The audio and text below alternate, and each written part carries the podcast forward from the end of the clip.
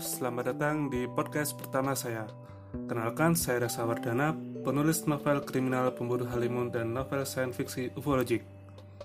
Nah, sebelum saya mulai topik utama dari podcast hari ini, saya ingin kasih tahu teman-teman alasan kenapa sih saya mau bikin podcast semacam ini. Nah, tujuannya adalah saya memang menuju, saya memang uh, bertujuan buat podcast ini memang saya tujukan untuk teman-teman yang sedang ingin jadi penulis atau teman-teman yang saat ini jadi penulis pemula. Ya semacam itu. Nah di podcast saya ini ya uh, nanti di episode-episode berikutnya uh, saya ingin berbagi pengalaman-pengalaman yang saya dapatkan selama saya menekuni hobi menulis. Nah topik hari ini yang saya pilih adalah saya akan bercerita tentang mengapa saya suka menulis. Nah, banyak teman-teman di sini mungkin suka menulis karena dengan menulis kita bisa ya meluapkan emosi atau mencurahkan perasaan atau mungkin dengan menulis teman-teman ingin uh, menyuarakan sesuatu ya. Misalkan teman-teman bikin cerpen yang berisi tentang kritikan atau mungkin um, ya tentang keadaan semacam keadaan manusia semacam ini yang mungkin mengalami penurunan atau mengalami kenaikan dalam pemaknaan hidup. Ya itu banyak sekali alasan-alasan mengapa teman-teman ingin bikin sebuah karya berupa tulisan. Nah untuk saya pribadi kalau ditanya kenapa saya suka menulis jawabannya saya cuma satu saya suka aja. Jadi uh, agak susah ya tapi kalau dibilang uh, pemicunya apa sih kok suka nulis? Pemicunya sebenarnya saya sangat suka main video game dulu.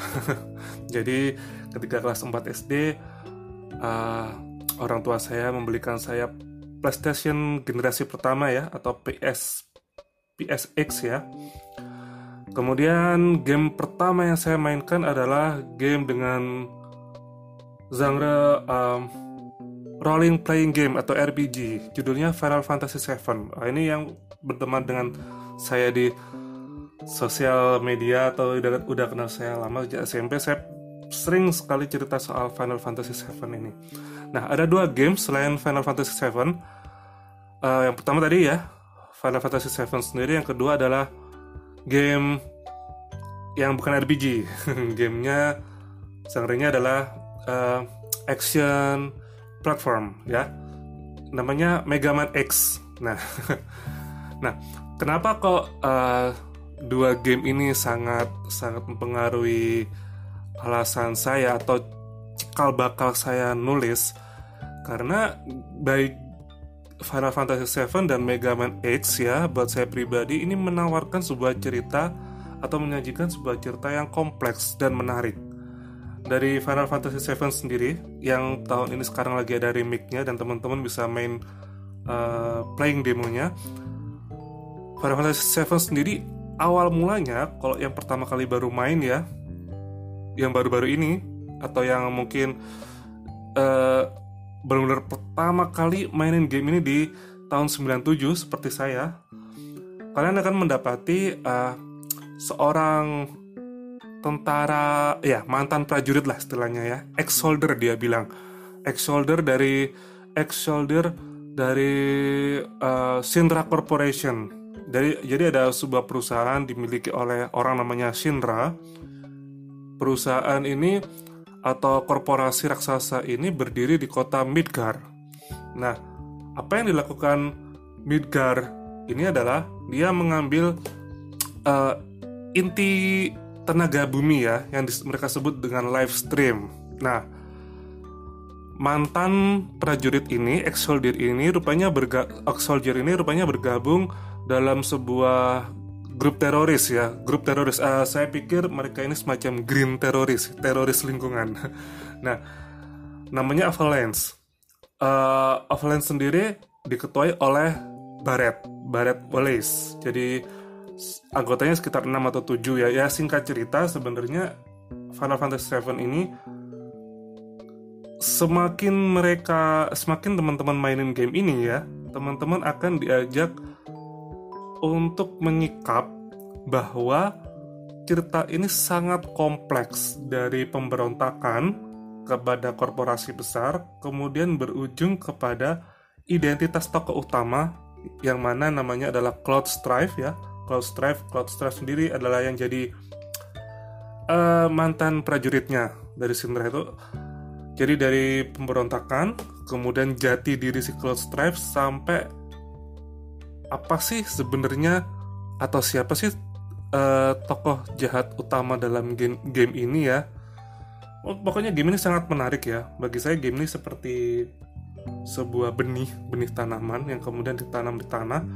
Dia jadi tanaman kecil kemudian tumbuh agak agak besar kemudian sangat besar jadi pohon. Dari dari pohon kemudian tumbuh cabang-cabang dan akhirnya menjadi sebuah pohon yang pasti dilihat orang. Nah menurut saya itulah Final Fantasy VII nah sedangkan Mega Man X sendiri ini uh, ya seperti game-game ini ya game-game pada umumnya ya kayak Sonic. Sonic itu termasuk action platform saya rasa. Action action action platform adalah sebuah genre yang di mana si tokoh dalam game ini, game ini akan meloncat-loncat terus berjalan berlari terus memanjat menembak-nembak mengalahkan musuh pokoknya garisnya tuh linear banget ya linear uh, Mega Man X sendiri ini menawarkan sebuah cerita di mana ada robot yang berbentuk humanoid dia diciptakan oleh Dr. Light dan kemudian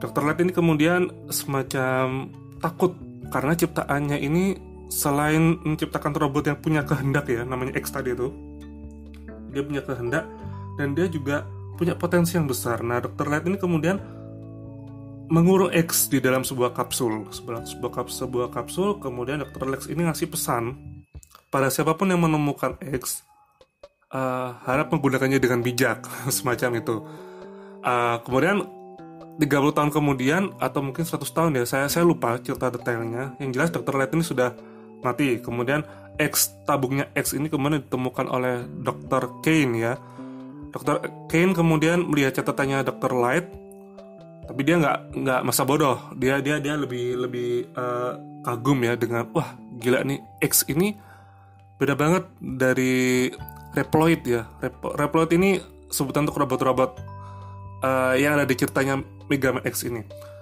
Karena uh, sebagai Reploid X ini bisa ya punya punya kemampuan lebih baik lah, lebih advance daripada yang lain. Nah, singkat cerita, uh, Dr. Kane ini membuat Reploid semacam X. Namun Reploid-Reploid yang diciptakannya kemudian terkena virus. terkena virus dan kemudian mulai menyerang manusia. Nah, si X ini bersama teman-teman Reploid yang lain kemudian membasmi para Reploid yang sudah terinfeksi virus ini. Seperti itu.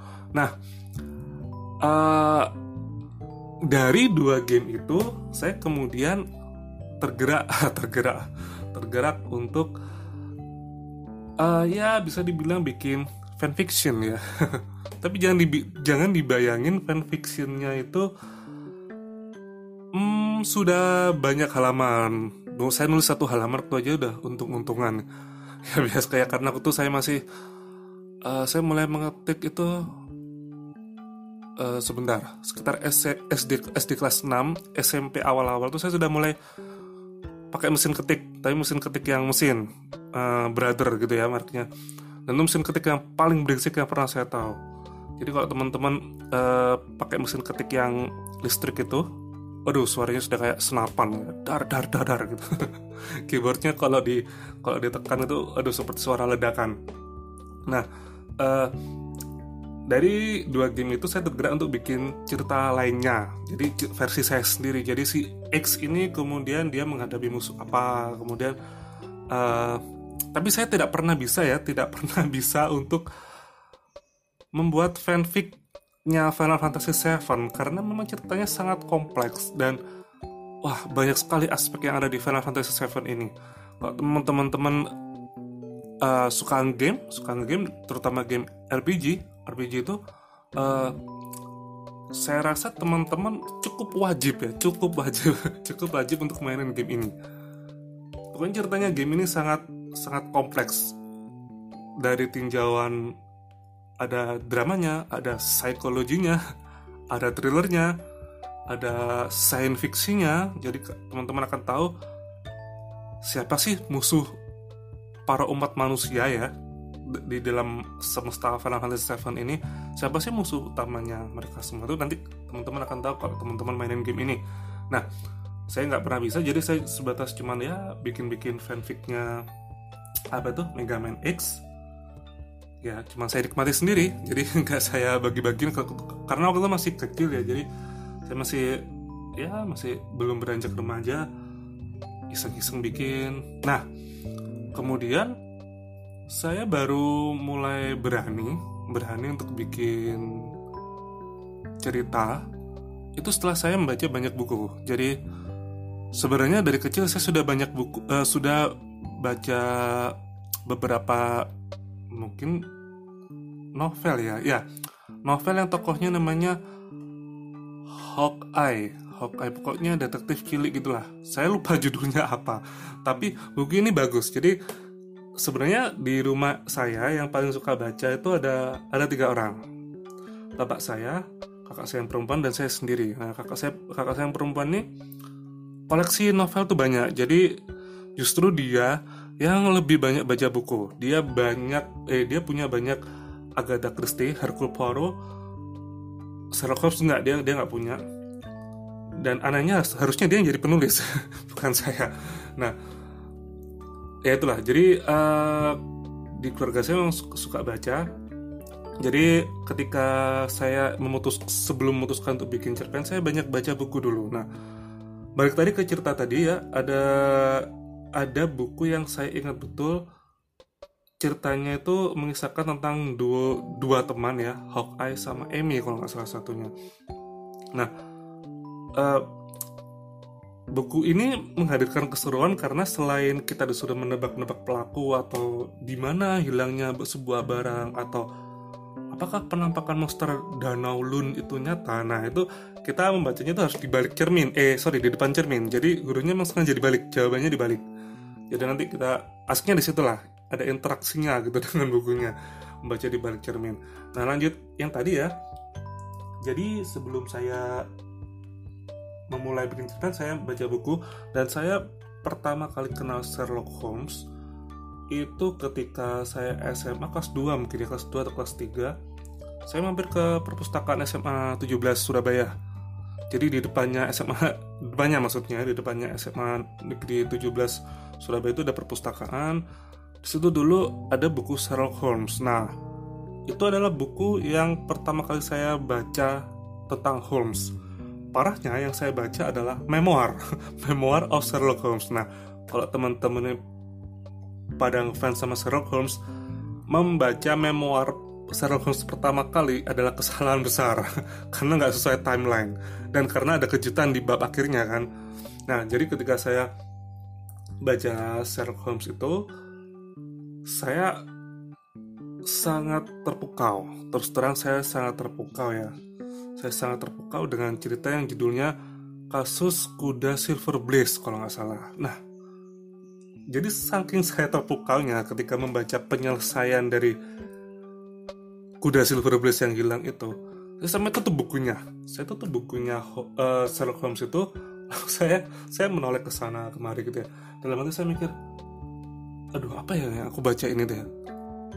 Kok buku ini rasanya kok kayak ya mungkin teman-teman tahu ya rasanya terjebak dalam cerita yang twist gitu ya. Rasanya tuh what? Semacam itulah. Jadi ketika saya baca itu astaga ini ini saya nggak ngira. Ternyata uh, pelaku pelaku kematian orang yang ada di cerita Silver Blaze sendiri itu adalah um, saya omongin nih itu adalah kudanya sendiri. Jadi jadi si pelaku ini berusaha untuk melukai Silver Blaze dengan menyayat ya menyayat urat atau mungkin otot di kaki kuda Silver Blaze itu supaya dia performanya turun. Karena Silver Blaze ini memang kuda pacuan. Ternyata yang terjadi adalah sebagai hewan secara naluri ya dia berontak. Dia berontak kemudian kakinya ini menyepak menyepak si pelaku. Akhirnya akhirnya ya dia mati dalam sekejap. Mati dalam karena ya bayangin kalian ditendang kuda seperti itulah. Nah ketika saya udah terpukau ya dengan ceritanya home yang semacam itu saya langsung pinjam buku ini ke petugas. Uh, mungkin bapak waktu itu ya apa saya pinjam buku ini. Oh ya gitu.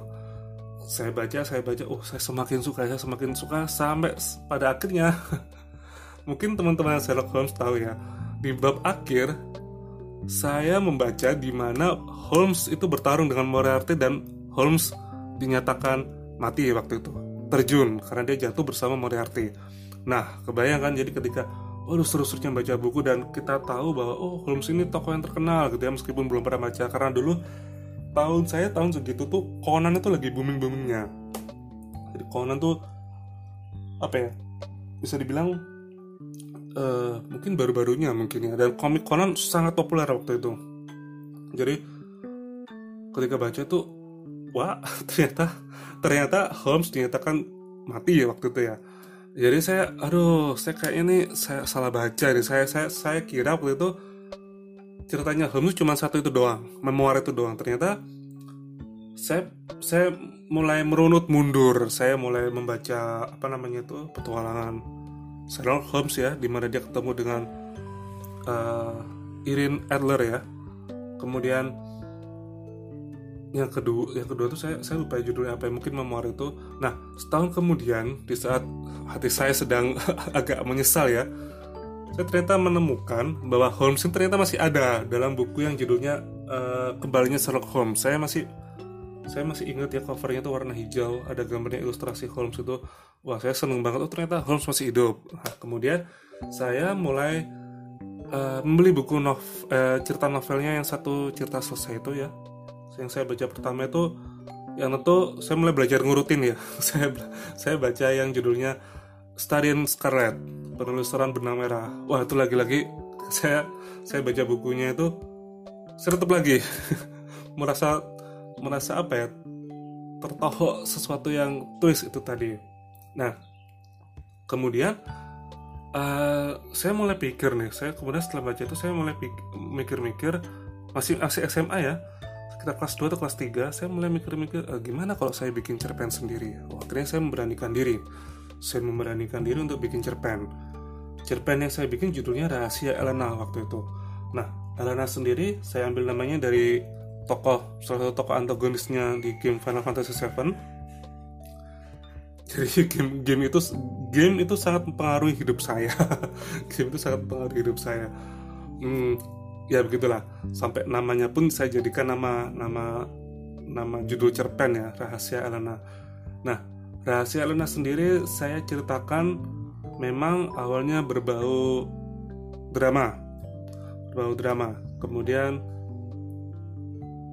di ending saya memang bukan di ending ya di tengah-tengah atau di endingnya saya mulai ngasih petunjuk-petunjuk bahwa ini nggak drama romans yang kayak gimana tapi ini ada ada semacam thrillernya ada kriminalnya semacam itu.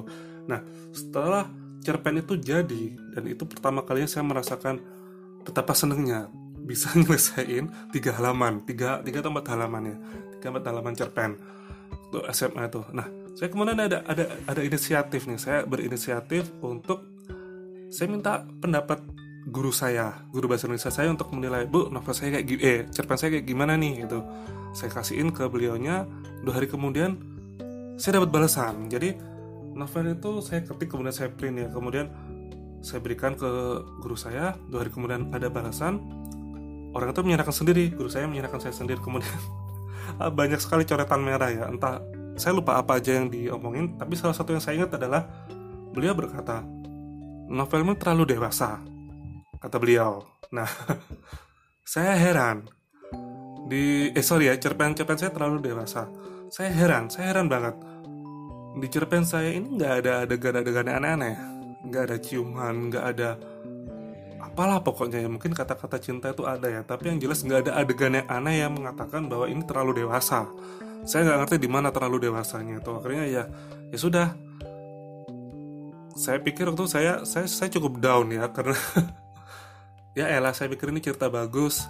Eh, ternyata malah dibilang terlalu dewasa. Ya saya sedikit nggak terima tapi ya sudahlah. Waktu itu ya guru kan pasti lebih tahu ya daripada murid. Mungkin dia punya pertimbangan mungkin beliau punya pertimbangan sendiri. Nah uh, singkat cerita uh, perjalanan petualangan menulis saya berikutnya adalah ketika saya masuk kuliah di UNER tahun 2009 jadi sebenarnya saya itu sudah pernah kuliah tahun 2007 di saat saya sudah lulus SMA tahun 2007 saya sempat kuliah di desain. Tapi ya bagi saya ternyata desain terlalu berat. Akhirnya saya pindah ke sastra Inggris UNER tahun 2009 jadi ya cukup telat lah. Cukup telat saya kuliah.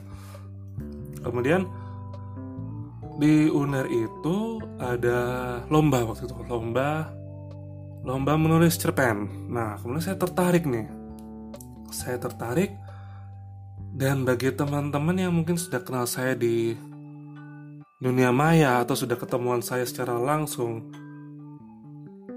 teman-teman pasti nggak akan ngira uh, kategori apa yang saya ikuti. Karena mereka mengadakan lomba kategori cerpen nuansa Islami. jadi, jadi mungkin teman-teman mikir yang sudah kenal saya, yang sudah kenal saya mungkin mikir ah masa kamu bikin cerita cerita Islami gitu? Ya tapi ya itu yang dilombakan itu jadi saya coba ikutin. Saya ikutin saya cerita soal apa ya? Sebenarnya nggak nggak nggak, nggak terlalu saya pribadi nggak terlalu menganggap itu bagus ya karena menurut saya cerita itu sangat biasa. Dan ternyata juara dua. Saya menang juara dua oh itu saya saya merasa terapresiasi pertama kali di situ juara dua. Kemudian tahun uh, kemudian masih tahun 2009an ya tahun 2009an itu saya tergabung di UKM bukan bukan UKM ini ya uh, kaki lima kaki lima itu bukan tapi unit kegiatan mahasiswa semacam ekstrakurikuler. Saya gabung di Universitas Erlangga tahun 2000 ya 2009an waktu itu. Nah jadi uh, selain suka baca dan juga suka nulis-nulis cerita-cerita gak jelas gitu ya saya juga sangat suka nonton film. Karena saya suka nonton film alasan itu balik lagi dari suka ya. Dari saya suka nonton film saya ingin coba bikin film bikin film pendek.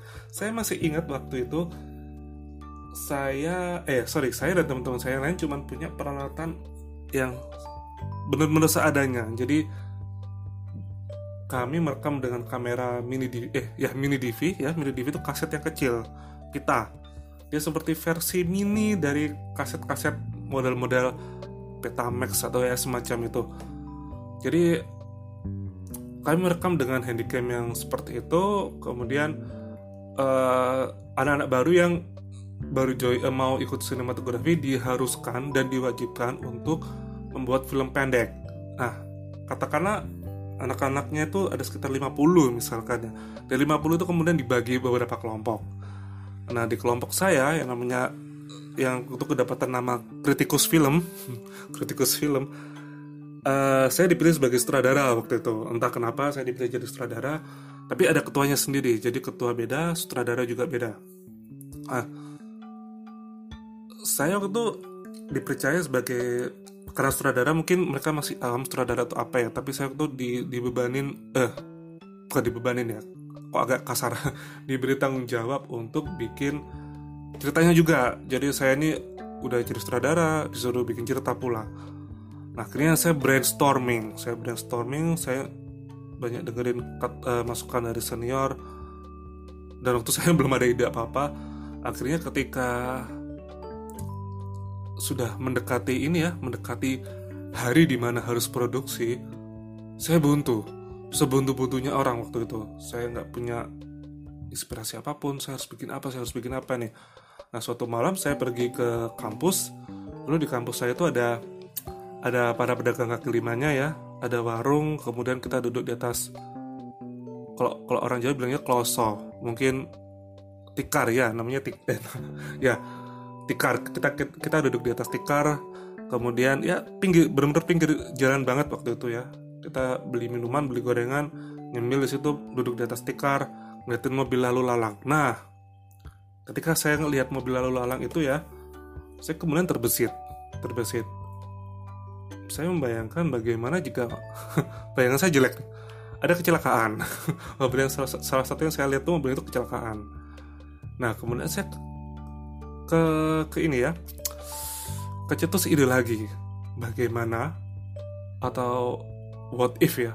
Bagaimana jika dalam setiap kecelakaan kejadian kematian orang kena musibah atau apa selalu ada satu orang yang sama di setiap kejadian itu, di semua kejadian itu.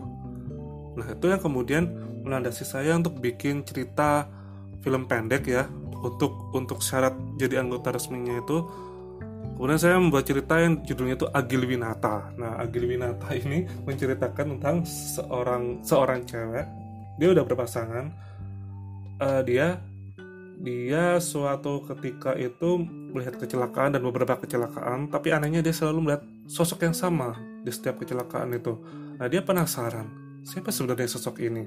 Nah, jadi protagonisnya adalah Agil Binata, antagonisnya adalah sosok misterius ini. Saya menyebutnya dengan M. si M artinya malapetaka.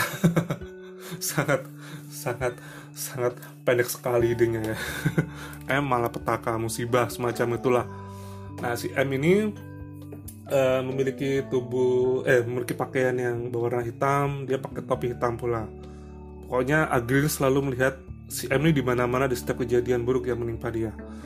Nah ketika produ produksi yang berbelit-belit itu selesai film para peserta akhirnya di screeningkan kalau nggak salah waktu di screening di di sebentar antara Tunjungan Plaza atau Delta Plaza saya lupa ya. Kayaknya Tunjungan Plaza Surabaya. Nah itu ketika di lomba eh ketika di screening kan diputarkan ternyata tim saya meraih best story best story ya best story best story untuk cerita Agil Binata itu. Jadi emang Agil Binata emang saya buat uh, psikologi ya ada ada unsur psikologinya di situ. Dan jika memang teman-teman suka dengan teka-teki ya atau anagram-anagraman gitu teman-teman pasti sudah sudah tahu ketika saya menyebut Agil Winata ini sebenarnya ini cerita tentang apa nah kalau nama Agil Winata ini dibolak-balik udah ketemu kan endingnya apa? Ya Winata kalau dibolak-balik jadinya kata wanita gila. Jadi memang ini cerita tentang wanita gila. Nah dari situ saya semakin apa ya istilahnya tuh semakin semakin merasa percaya diri. Merasa merasa percaya diri bahwa saya merasa mampu untuk membuat sebuah cerita.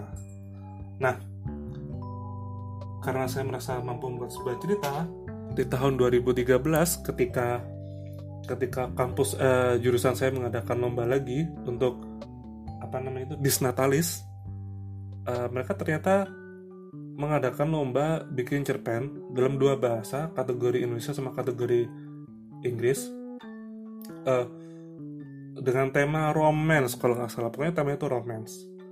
Saya ingat dulu rahasia nama saya di dikata-katain anak-anak sama guru saya. Terus saya perbaiki sedikit, saya daftarkan ke lomba.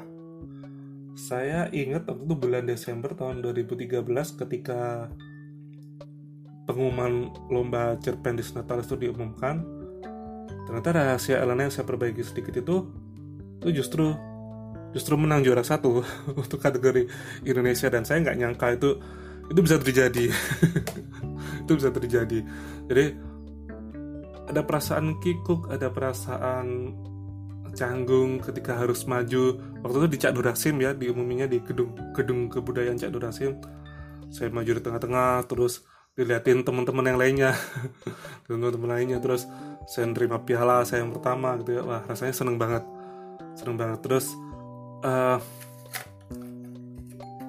bapak saya waktu itu yang nyambut saya nyambut saya pulang dari rumah pulang dari rumah terus pas saya tanya gimana? Menang? Gitu. Saya bilang oh ya menang. Saya saya tunjukin pialanya dan bapak saya ngasih saya selamat. Nah mungkin teman-teman yang sudah tahu tentang saya secara personal, memang bapak saya seorang penulis, bapak saya seorang penulis tapi lebih dulu dulu beliau menekuni fiksi, dan lebih suka uh, historical fiction mungkin ya istilahnya. Dan uh, apa namanya sejak saya SMP beliau udah mulai berubah haluan ke nulis sejarah-sejarah kota. Nah ada satu hal yang saya ingat ya saya ingat tentang hubungan saya dan bapak saya. Ini masih berhubungan dengan sinematografi tadi. Ketika saya memenangkan cerita untuk best story ada teman itu bilang kebetulan temannya tahu bapak saya. Oh ya kamu menang karena kamu anaknya penulis? Dia bilang gitu. Emang maksud maksud dia mungkin mungkin dia cuman ngomong untuk sekedar fun. Tapi waktu saya merasa enggak lah. Saya saya bisa nulis uh, saya belajar nulis itu dari nol. Dan saya sama sekali nggak pernah konsultasi ke bapak saya tentang gimana caranya nulis yang baik gimana cara bikin cerita yang kayak gimana gimana tuh saya nggak pernah tanya. Jadi ketika teman saya bilang iyalah kamu bisa dapetin ini karena orang tua kamu penulis gitu. Ya saya perlu tekankan sekali lagi bahwa mungkin di luar sana itu ilmuwan-ilmuwan ya berpikir bahwa prestasi itu menurun atau kemampuan itu menurun pada anak. Ya memang benar tapi tapi itu semua tetap kembali kepada si anak itu sendiri. Dan saya nggak percaya gen. Saya nggak percaya bahwa misalkan bapak saya bisa nulis kemudian saya jadi penulis saya nggak percaya itu. Sekarang berapa banyak orang tuanya yang jadi dokter anaknya juga jadi dokter juga. Ya memang ada. Memang ada seperti itu tapi nggak semua kan? Semua itu kembali ke, kepada kemauan kita sendiri. Jadi uh, saya sangat nggak percaya kalau apa ya? Ya ada seorang seorang punya orang tua orang tua yang orang tuanya itu mampu dalam hal tertentu anaknya kemudian nurun karena dianggap gen oh saya saya nggak percaya di situ. Ya teman-teman kalau mau percaya silakan tapi saya nggak. Saya saya saya sampai seperti ini ya karena memang saya saya berusaha sendiri. Walaupun bapak saya sering ngasih masukan ke saya ya oh nulis tuh harus gini gini gini gini gitu ya. Tapi ya saya ya iyain aja gitu. Ya karena saya rasa saya, saya sudah tahu gitu bukannya mau belagu atau apa ya tapi apa yang bapak saya sampaikan sebenarnya sudah saya sampaikan sebelum saya eh, tanpa saya bertanya atau sebelum bapak saya ngasih tahu saya harus do this do that semacam itu. Nah uh, tadi saya mana ya? Oh ya sampai pada ini ya bapak saya ngasih ucapan saya selamat ya saya senang. Saya senang saya dapat piala saya dapat piala terus uh, saya merasa waktu itu saya ingin kembali ke sekolah saya waktu itu. Jadi ketika saya menang, saya kemudian berpikir bahwa saya harus ke SMA saya. Saya ingin coba bikin workshop cuma-cuma. Ya pasti cuma-cuma ya. Saya bikin saya bikin saya pingin bikin workshop cuma-cuma tentang materi kepenulisan cerpen waktu itu. Nah, saya kemudian menawarkan tawaran saya itu ke kepala sekolah di mana saya dulu sekolah di SMA dan di, beliau setuju, beliau mendukung acara saya. Saya sangat ingat betul kejadian ini. Jadi di saat saya lagi lagi seneng-senengnya ya, seneng-senengnya dapat juara satu meskipun ya meskipun ya untuk kategori kategori umum ditujukan kepada seluruh teman-teman UNER dan saya menang.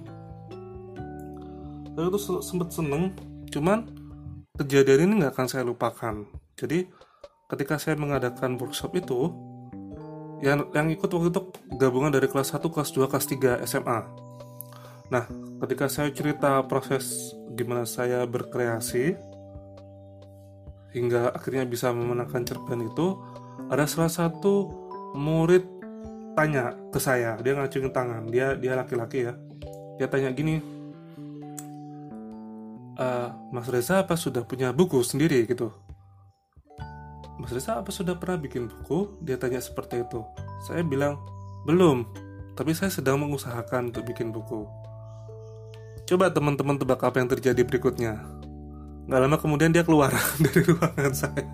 Dia dia keluar dia keluar dan dia nggak balik lagi. Dia, dia jadi dia nggak ikut workshop workshop saya lagi gitu. Jadi dia udah keluar keluar aja gitu. Mungkin di mana teman-teman si cowok ini salah atau mungkin nggak respect atau mungkin attitude-nya kurang. Tapi bagi saya dia ada benernya. Dia ada benernya. Apa yang menurut saya dia bener adalah dia secara nggak langsung sadar atau tidak sadari dia menyatakan bahwa seseorang itu harus diakui dari portofolio. Nah, syarat mungkin bagi dia syarat seorang penulis adalah dia punya buku. Mungkin menurut dia ya memang nggak salah ya.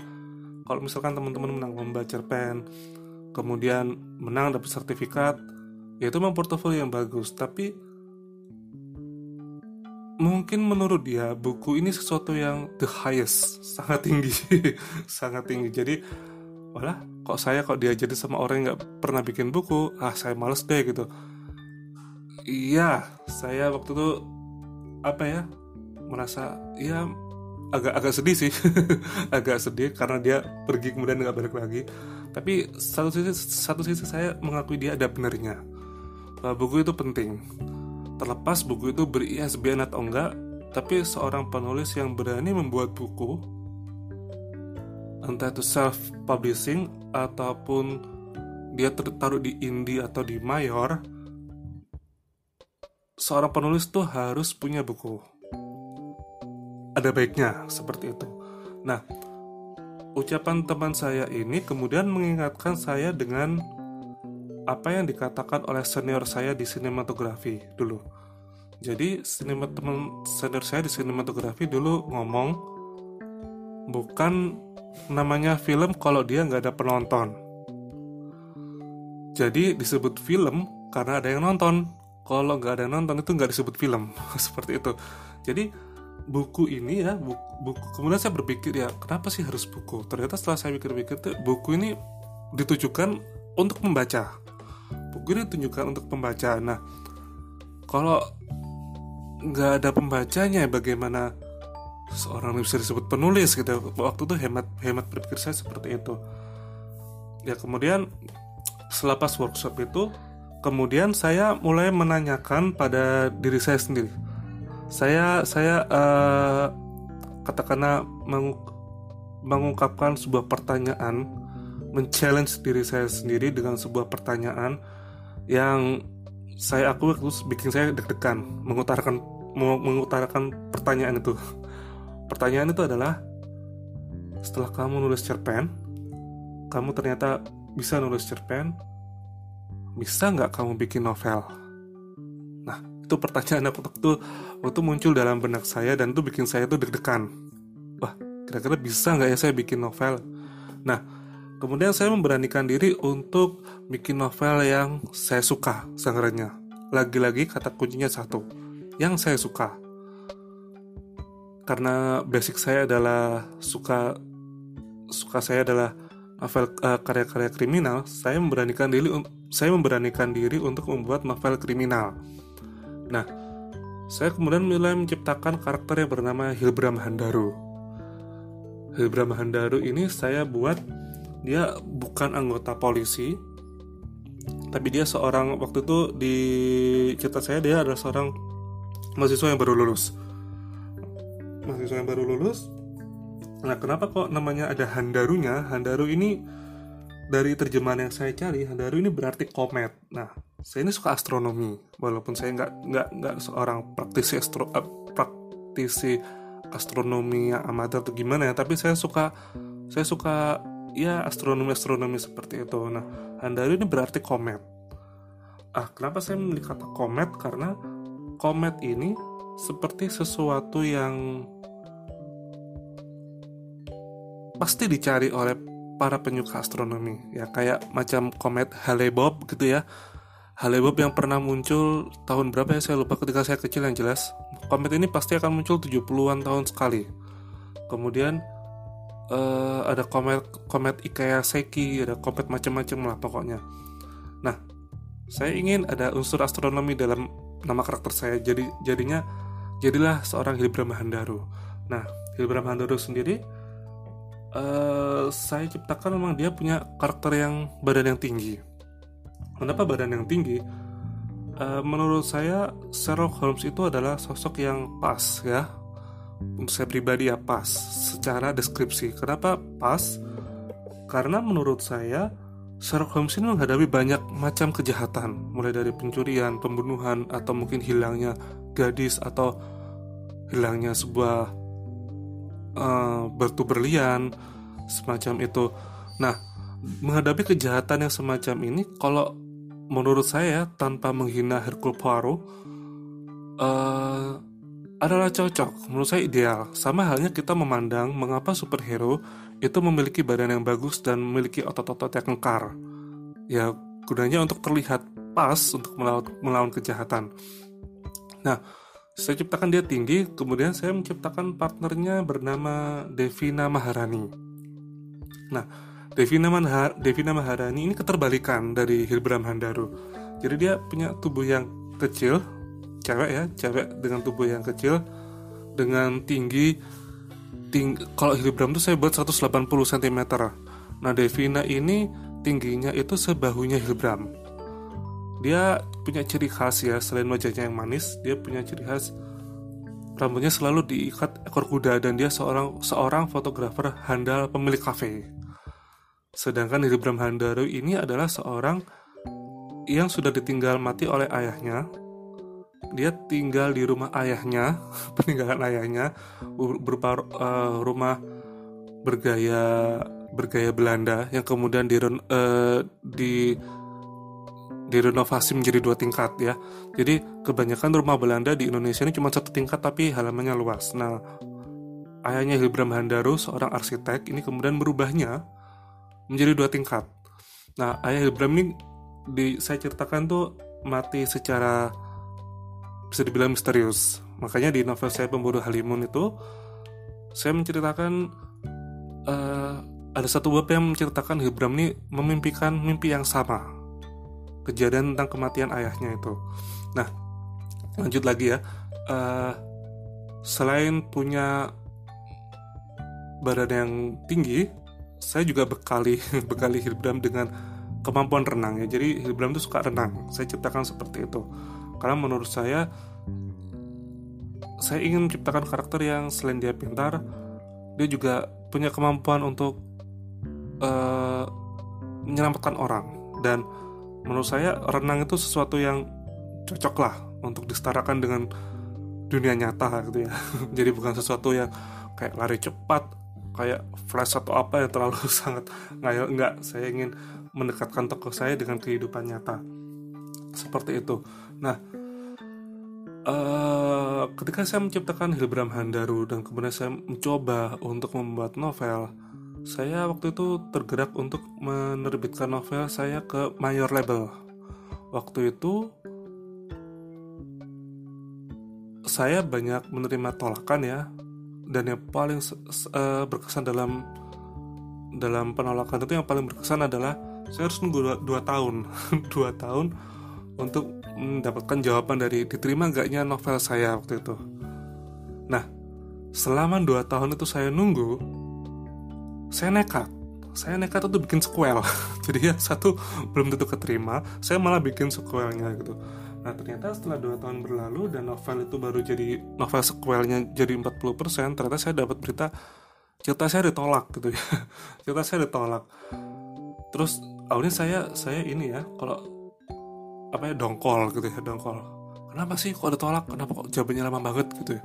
Ya saya nggak tahu kenapa dia lama banget tapi setelah saya baca lagi novel saya itu saya merasa aduh memang banyak sekali kekurangan di novel saya. Sehingga kalau misalkan itu terbit pun itu jadi novel yang jelek.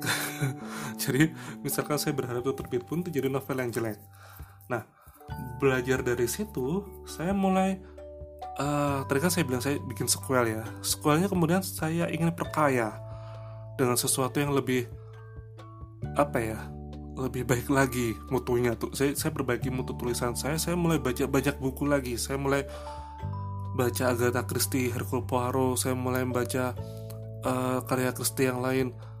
Um, judulnya kalau nggak salah Mr. Queen yang misterius. Tokonya namanya Harley Quinn nah pokoknya saya banyak membaca buku-buku semacam itu dan akhirnya perbendaharaan kata-kata saya banyak saya juga banyak dapat masukan dari buku-bukunya Agatha Christie tentang gimana sih membuat cerita tuh yang kita merasa dekat dengan kehidupan nyata seperti itu. Nah, akhirnya yang pertama tadi enggak yang justru yang jadi adalah pemburu Halimun. Novel yang sudah terbit tahun 2018, saya terbitkan Indie waktu itu dan ternyata nggak selesai. Nggak selesai dalam artian bukan bukan begini ya. Novel itu selesai. Cuman yang nggak selesai adalah proses saya menjadi seorang penulis. Jadi, maksud saya seperti ini. Jadi tahun 2018 tahun 2018 itu saya bekerja di sekolah kepenulisan dan waktu itu saya uh, merasa ke, ke saya keberuntungan sedang berbiak pada saya ya. Jadi waktu itu um, jadi waktu itu saya ditemukan dengan orang-orang keren. Saya ketemu dengan Mas Lalu Abdul Fatah, seorang penulis asal Lombok yang waktu kebetulan lagi uh, apa ya bekerja di Surabaya satu kerja dengan saya saya ketemu Mas Lalu Abdul Fatah saya juga ketemu dengan penyiaran juga penulis bernama Budi D. Cahya saya juga kenalan dengan seorang seniman rupa yang namanya Arsya Diananda. Nah Arsya ini rupanya adik kelas saya ketika saya SMA nah ketika saya ceritakan kepada mereka saya punya novel kemudian saya menanyakan sesuatu pada mereka seperti ini. Penting nggak sih kalau saya sudah punya novel lalu saya bikin acara peluncuran buku? Semacam itu. Kemudian kemudian Bu Didi ini ngomong dalam bahasa Jawa ya. Saya masih ingat betul ya karena orang Surabaya ini orangnya ceplas-ceplos ya. Jadi Didi ngomong seperti ini. Yo penting lah cok dia bilang seperti ya penting lah cok terus Didi ngasih saya advice kenapa kenapa saya tuh perlu membuat acara peluncuran buku? Dan saya juga masih ingat betul omongan Arsya ya. Arsya Arsya bilang gini ke saya Mas buku itu atau karya yang kamu hasilkan itu adalah rohanimu. Dia bilang seperti itu ya. Seperti kita tahu ya orang-orang seniman kok selalu punya perbendaharaan kata yang unik-unik. Dia bilang rohanimu gitu jadi maksudnya Arsya adalah menulis ini adalah buku itu adalah jiwamu adalah adalah your soul ya. Ada lebih dari sekedar passion. Buku atau hasil karya itu lebih dari sekedar passion. Dia adalah wujud dari perjalanan spiritualmu nah semacam itu. Nah uh, berangkat dari situ saya mulai saya yang pem, pemalu ya saya sebenarnya pemalu. Saya yang pemalu ini mulai memberanikan diri untuk bikin peluncuran buku. Peluncuran buku saya adakan di uh, C2O ya C2 atau C20 library gitu. Itu ya alhamdulillah teman-teman banyak yang datang. Selain banyak yang datang juga apa ya saya seperti mendapatkan support support pada para teman-teman yang datang itu bahwa uh, kamu rupanya bisa bikin buku ya, ya semacam itulah perasaan-perasaan semacam itu saya semakin termotivasi saya semakin termotivasi bahwa saya memang ingin jadi penulis. Nah, seperti itulah. Jadi uh, perjalanan menulis saya ya dari yang awalnya cuma suka, lalu melakukan apa yang saya suka, terinspirasi dari apa yang saya suka, kemudian saya mulai mencoba untuk improvisasi, improvisasi. Seperti itu. Nah, mengenai cerita saya yang tadi tidak jadi ya tidak uh, ceritanya Hilbra Madaru yang seri pertama yang nggak jadi memang sedang saya lanjutkan sedang saya buatkan prequelnya dan tentu dengan banyak improvisasi supaya ceritanya tidak mengecewakan para penggemar. Nah jadi oh ya satu lagi ya. Saya perlu mengingatkan teman-teman bagi teman-teman yang memang berniat atau memang sudah sudah ada perasaan ingin bikin buku, uh, buku atau cerpen atau cerita ya saya ingetin teman-teman. Memang menulis tuh memang untuk diri kita sendiri tetapi jangan sampai cerita kita tuh mengecewakan orang yang sudah membaca cerita kita. Jadi ketika dia sudah beli buku kita kemudian ah ceritanya begini ya karena kita terlalu idealis. Ini bukan ngomongin pangsa pasar ya. Jadi memang keberterimaan sebuah cerita itu kita kesampingkan kita terlalu idealis. Yang terjadi adalah kita akan melakukan separuh hal yang sia-sia. Kita sudah katakanlah menerbitkan buku dengan atau tanpa biaya. Kita sudah edarkan kemudian ternyata nggak apa ya ceritanya kemudian nggak nggak menarik ya. Nggak menarik atau nggak berterima lah minimal. Nah itu sama aja kita sudah ngecewain orang yang sudah orang yang sudah beli buku kita orang yang sudah repot-repot membaca buku kita dengan atau tanpa biaya. Kita sudah nyita waktu mereka dan ternyata cerita kita ya tidak menarik. Jadi ada baiknya sebelum teman-teman sebelum melakukan ekspansi ya oh ekspansi. Melakukan penyebaran distribusi buku-buku teman-teman atau memasarkan buku teman-teman ada baiknya teman-teman tuh butuh sesuatu yang namanya first reader. Pembaca-pembaca yang membaca draft naskah kalian yang kalian percaya. Itu perlu. Nanti mereka dapat uh, kalian dapat masukan dari eh teman-teman dapat masukan dari mereka dan itu akan sangat membantu sekali. Nah di podcast saya yang berikutnya saya akan membahas tentang ide. Jadi uh, the main core of story according to me ya menurut saya pribadi yang, pertama, adalah ide. Ide ini dasarnya. Itu akan saya bahas ke podcast saya yang berikutnya. Jadi uh, buat teman-teman yang sudah meluangkan waktu sekitar berapa menit ini? Oh, 50 menit untuk mendengarkan saya ngoceh. Semoga apa yang saya omongkan ini ada manfaatnya buat teman-teman semua dan apa ya? Semoga jadi jadi motivasi buat teman-teman yang lain untuk mulai menulis atau memikirkan ide untuk menulis. Nah, jangan lupa nanti di berikutnya saya akan membahas tentang ide dan saya akan bagikan semua pengalaman yang saya tahu tentang proses pencarian ide kepada teman-teman semua. Jadi teman-teman semua yang sudah dengerin podcast perdana saya, saya ucapkan terima kasih. terima kasih yang banyak sudah mendengarkan uh, saya bicara panjang lebar dan meluangkan waktu. Oke, salam.